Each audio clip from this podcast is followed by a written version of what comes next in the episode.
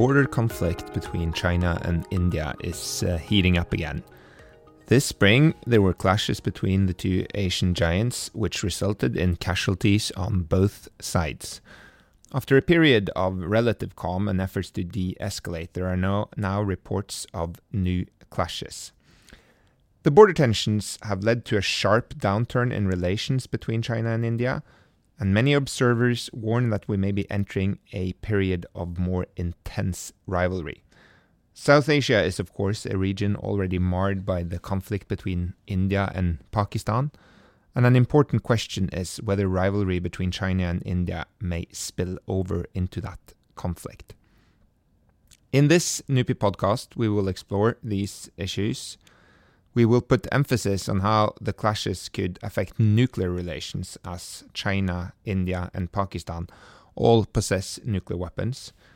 My name is uh, Henrik Hiim. I'm the Asia coordinator at NUPI, and we are privileged to be joined by Yun Sun, who is the director of the China program at the Stimson Center in Washington, D.C and a renowned expert on both Chinese foreign policy and uh, international relations in South Asia. Yun Sun, uh, welcome to the NUPI podcast. Hi, Henrik. Thank you very much for having me. First, Yun Sun, uh, please try to explain what these tensions uh, are about. Why are they flaring up again uh, now?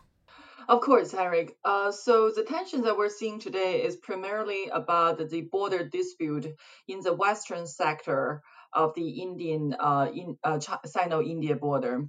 So we we know that China and India shares the longest and unsettled land border in the in the world, and there are three primary sectors in terms of the border dispute the eastern sector, which is uh, what the Chinese call the southern Tibet and the Indians call Arunachal Pradesh.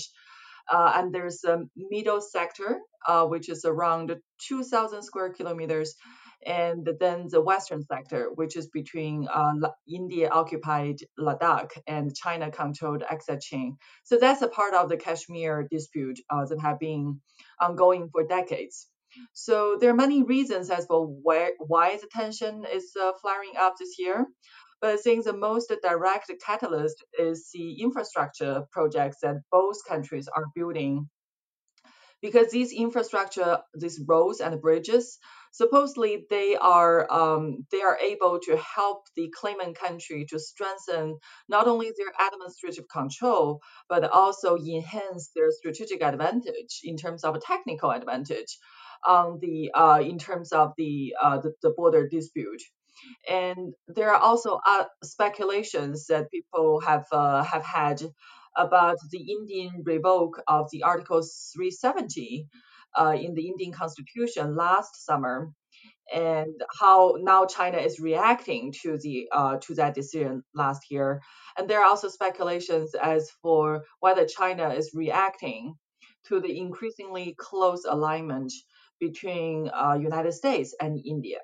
So there are different explanations. The timing, though, seems unfortunate for China.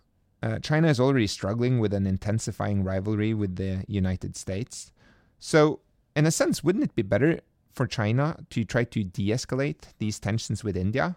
I mean, the Chinese already have a lot on their plate. Uh, I think that is true. I think there is a very strong intention or very strong argument for China to de-escalate the tension, especially given the presidential election that's coming up in the United States this year, and China is exceedingly worried about whether the United States, whether this uh, this period leading up to the election is going to be particularly destabilizing, because uh, China might be used as a scapegoat or as a punchback in the uh, in the in uh, in the election campaign. So, and we also know that China's primary focus, China's primary strategic concern is not with India. It's always in the West Pacific, among the four issues from north to south, uh, not the Korean Peninsula, the East China Sea, Taiwan, and South China Sea.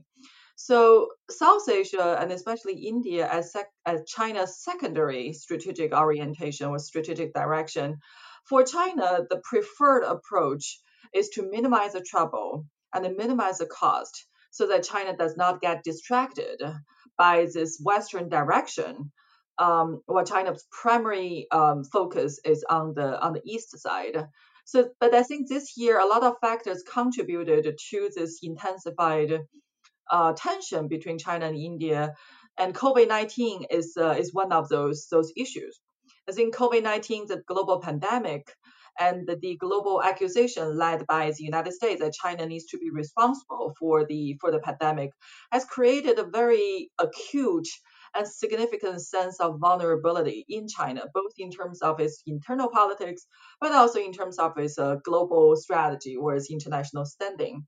So I think when China felt vulnerable um, in front of foreign attacks or foreign accusations, the what, the most famous case that we have seen out of that is the Wolf warrior diplomacy, where the Chinese diplomats using uh, using harsh rhetoric and even using threats threats of sanctions to um, to counter those those criticisms on China. So I think coming to India and the Sino-India clashes in the Ladakh region this past uh, this past spring and summer, I think this sense of vulnerability has played a quite important role in China's decision. And perhaps Chinese leaders felt like India was using a period when China was facing trouble and trying to take advantage of the situation, including the COVID situation. I think that is very true. And the Indian perception that why is China reacting to us so harshly this time uh, feeds into that Chinese speculation that this this was by design, by the Indian design, that the Indians were trying to exploit a moment of vulnerability and distraction on China's part because of the COVID. So, but I think the same argument will be used by the Indians against the Chinese that maybe China is trying to create tensions with the on the on the Indian border in order to divert the attention from both the domestic population and also the international narrative away from the COVID 19. So I think all these arguments have some legality to it, but probably none of them covers the whole picture. Just how serious is this, in your opinion? I see that some Indian policymakers have argued that the conflict we're seeing now marks the end of an era in relations. Do you think that's true? Are we at the turning point? I mean, we've seen clashes between China and India before, but relations have recovered. Do you think this time is different? That is a great question, Henrik. So, yes, we have heard this a lot. I think there is something uh, qualitatively different from India's assessment of the border tension. But we also know that the border dispute has been ex- in existence for seven decades now. So this is nothing new, and the flare up of the tensions along the border it also occurs quite regularly. I would say, especially during the uh, during the spring and summer season, um, both sides have been trying to use infrastructures to advance their position. So when I hear this uh, this this very interesting description or this narrative that this is an end of an era, and my my reaction is uh, an era of what? So if we look at the uh, the relationship between China and India, I would say that problems have have existed for for a very long time, and the mutual trust has never really been high. And this mutual suspicion, this mutual resistance has always existed. So if you look at the structure in uh, in South Asia subcontinent, there is arguably a structural conflict between China and India, both as regional powers and both trying to compete for sphere of influence in the in the South Asia subcontinent. So I would say that neither side probably has had a very high expectation in their heart about this relationship. So if you agree to that assessment, um, then people probably would not would not necessarily believe that this event this past uh, in in Ladakh this past June is going to be a significant turning point because relationship really has not been that positive for a very long time. So um, I would say that in the Indian narrative, China has always been seen with um, being looked at with a lot of suspicion and skepticism. Uh, in the past, it was because of Pakistan. Um, more recently, is because of the perceived Chinese hegemonic intention as exempl- uh, exemplified by the Belt and Road uh, Initiative. And on the Chinese side, the Chinese always have suspicion about India's strategic intention, right? So when India talks about strategic uh, autonomy, multi-coalition, or equidistance diplomacy, the Chinese feel that the, the, the coalition is never about India and China. The coalition is about India and another great power, but it has never really formed between Beijing and New Delhi. So that so if we if we if we believe this is an end of the era, I think the next question is that what is a new era? That it will be a new era of what? Of India treating China as the enemy, uh, or a new era of direct confrontation and hostility between China and India? Um, I think those judgment is uh, is too early to make. But one thing is for sure, I think the uh, the Ladakh clash this summer is going to, it has, and it will continue to exert significant influence over India's strategic alignment. But it may not have reached the the stage that where India sees China as its exist, existential threat and as India's mortal enemy. So that is like saying that okay, China and India has a border dispute, and they have had a difficult time resolving that uh, that dispute. And once in a while, we see the dispute flaring up into a clash, into uh, and this year it was it's actually bloodshed in the disputed region. But does that mean that the two countries will from now on treat each other as mortal enemies? I think that will be a, a, a very premature conclusion to reach. This brings us over to another question. At NUPI, we have a project about nuclear weapons relations in Asia, and India and China are, of course, both nuclear powers. Nuclear weapons and deterrence has traditionally not played a very prominent role in the relationship between China and India. But if the rivalry intensifies, should we be more worried about the nuclear dynamic between them? Uh, potentially, because uh, at least in the Chinese assessment, when the, when the Chinese talk about strategic stability or nuclear stability in, in South Asia, the Chinese think that they're talking about the nuclear stability between India and Pakistan. And it's not the strategic, strategic stability between China and India. And this is fundamentally because both China and India follows the no first use principle coming to nuclear weapons. So in the Chinese calculation, if neither China nor India is going to use nuclear weapons first, then um, the nuclear the nuclear stability issue does not really physically exist between the two countries. So I think that's a, a, fundamental Chinese assessment. Whether that's going to change as a result of this uh, this border tension, uh, it remains to be seen. And there have been discussions or questions raised about whether India is going to change its no first use uh, principle. But no concrete actions uh, have been have been observed from the government's part to revise that uh, that doctrine. So the, the deeper question is that what does the tension between India and China indicate or imply for the relationship between or the, the strategic stability between India and Pakistan. And the question is that um, if China India relations have turned sour, then will China still maintain a neutral and constructive position between India and Pakistan when they have the next crisis? And they will have the next crisis. So I think that is a deeper question that we have to ask about China's role in the future crisis management in South in South Asia. But um, but we need to remember that uh, strategic stability is not necessarily, in the Chinese view, the primary issue between China and India because of their no first use principles. So they are more concerned about the India Pakistan relationship and the potential for a conflict between them. Yes. So, as you mentioned, China has traditionally sought to play a constructive role, even though it has been perceived as a partner of Pakistan. If the rivalry intensifies, could that potentially impede China's role as a not necessarily neutral, but at least constructive actor uh, in the region? Yeah, I think in the past, um, we have seen China more or less play a constructive mediation role uh, between India and Pakistan. And the prominent example that comes to mind is a shuttle diplomacy by the Vice Chinese Foreign Minister um, at the time, He Yafei, in 2008 after the Mumbai attacks. So uh, through through the shuttle diplomacy, China tried to uh, help India and Pakistan to communicate with each other and try to uh, try to um, uh, try to manage this, the instability that was uh, that was rising. So China arguably played a stabilizing role in those uh, in those in those scenarios.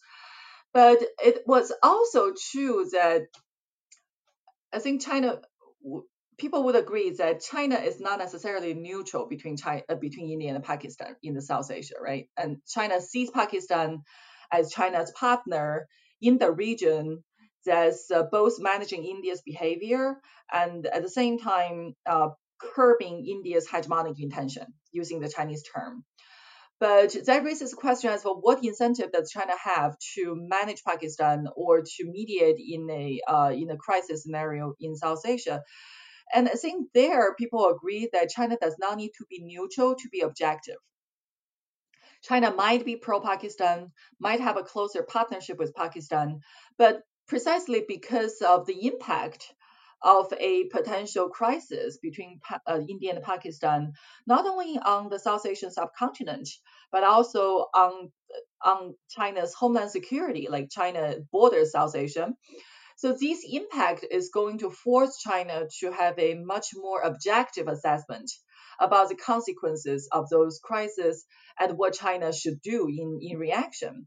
So, um, based on that assessment that China does not need to be neutral to be objective, we have had the confidence in the past that China will play a constructive role because the nuclear crisis between India and Pakistan is not in China's interest.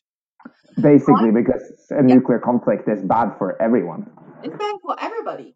So I think that is still a primary consideration for China. They do want to prevent a nuclear conflict. But I have to say that the needle of China's calculation is changing because the strategic environment is uh, is changing. So as a competition, as we have seen, the competition deepens between China on the one hand and U.S., India under the Indo-Pacific strategy on the other hand. I think the Chinese will see that they have less incentive to to deliver Pakistan in a crisis uh, in a in a crisis scenario. Because when China looks at its strategic interest vis-a-vis India and also looks at the power balance in the South Asia, which is not going in Pakistan's favor, China's assessment of its own national interest is also changing. So I think China will be even more biased in the future if it is not already, um, in terms of its consideration between India and Pakistan. And I don't think those bias will be India friendly. So a more biased China will be more likely to manipulate the game, to manipulate the dynamics to improve China's strategic position and strategic payoff vis-a-vis the US and India. So in that case, maybe the best that we can hope for is for China not to become a spoiler. All of this sounds a bit bleak, both the picture of China's role in South Asia and the direction of the China India relationship. Is there anything the outside world can do about this to de escalate this? I'm also talking about the current tensions we're seeing. Uh, or is this something the two states will have to figure out themselves? Uh, I think it depends on which issue we're talking about. If we're talking about the China India border disputes, I, I don't see an easy way out of this. I think the disputes about the line of actual control, which does not really exist, that in the Indian mines and in the Chinese mines, they they each have their own individual independent line of actual control that does not really over overlap with the other side's perception. So I think on the on the border dispute, we probably will see more tension, more standoff until both sides come to the pragmatic assessment that we need to move beyond this. This is this is uh, this is bleeding both countries dry in terms of their strategic leverage and their strategic resources. So I think that probably will be will be uh, sustain will be sustaining um, for the foreseeable future. If it is an issue between India and Pakistan, I think it also it depends on a couple of a couple of factors. So, for example, it depends on how Pakistan sees its own position between China and, and India. Like, does Pakistan want to exploit this uh, flaring up tension to improve its own strategic position? So, will Pakistan want to exploit this opportunity to, for example, take actions in Kashmir? Because uh, the essential conflict in South Asia by the end of the day lies with uh, with India and Pakistan, right? So China is uh, almost an external player to that set of conflict. I think another key factor that we need to take into consideration is the U.S. factor. Um, what position U.S. adopts and what what is the overall strategic context of the U.S.-China relations, I think will have a significant impact over how China looks at South Asia and looks at crisis management in South Asia. We know that since the beginning of this uh, great power competition, the era of great power competition, China has been quite desperately looking for issues that could still merit US China cooperation to prove that Sino US relation is not yet damaged beyond repair.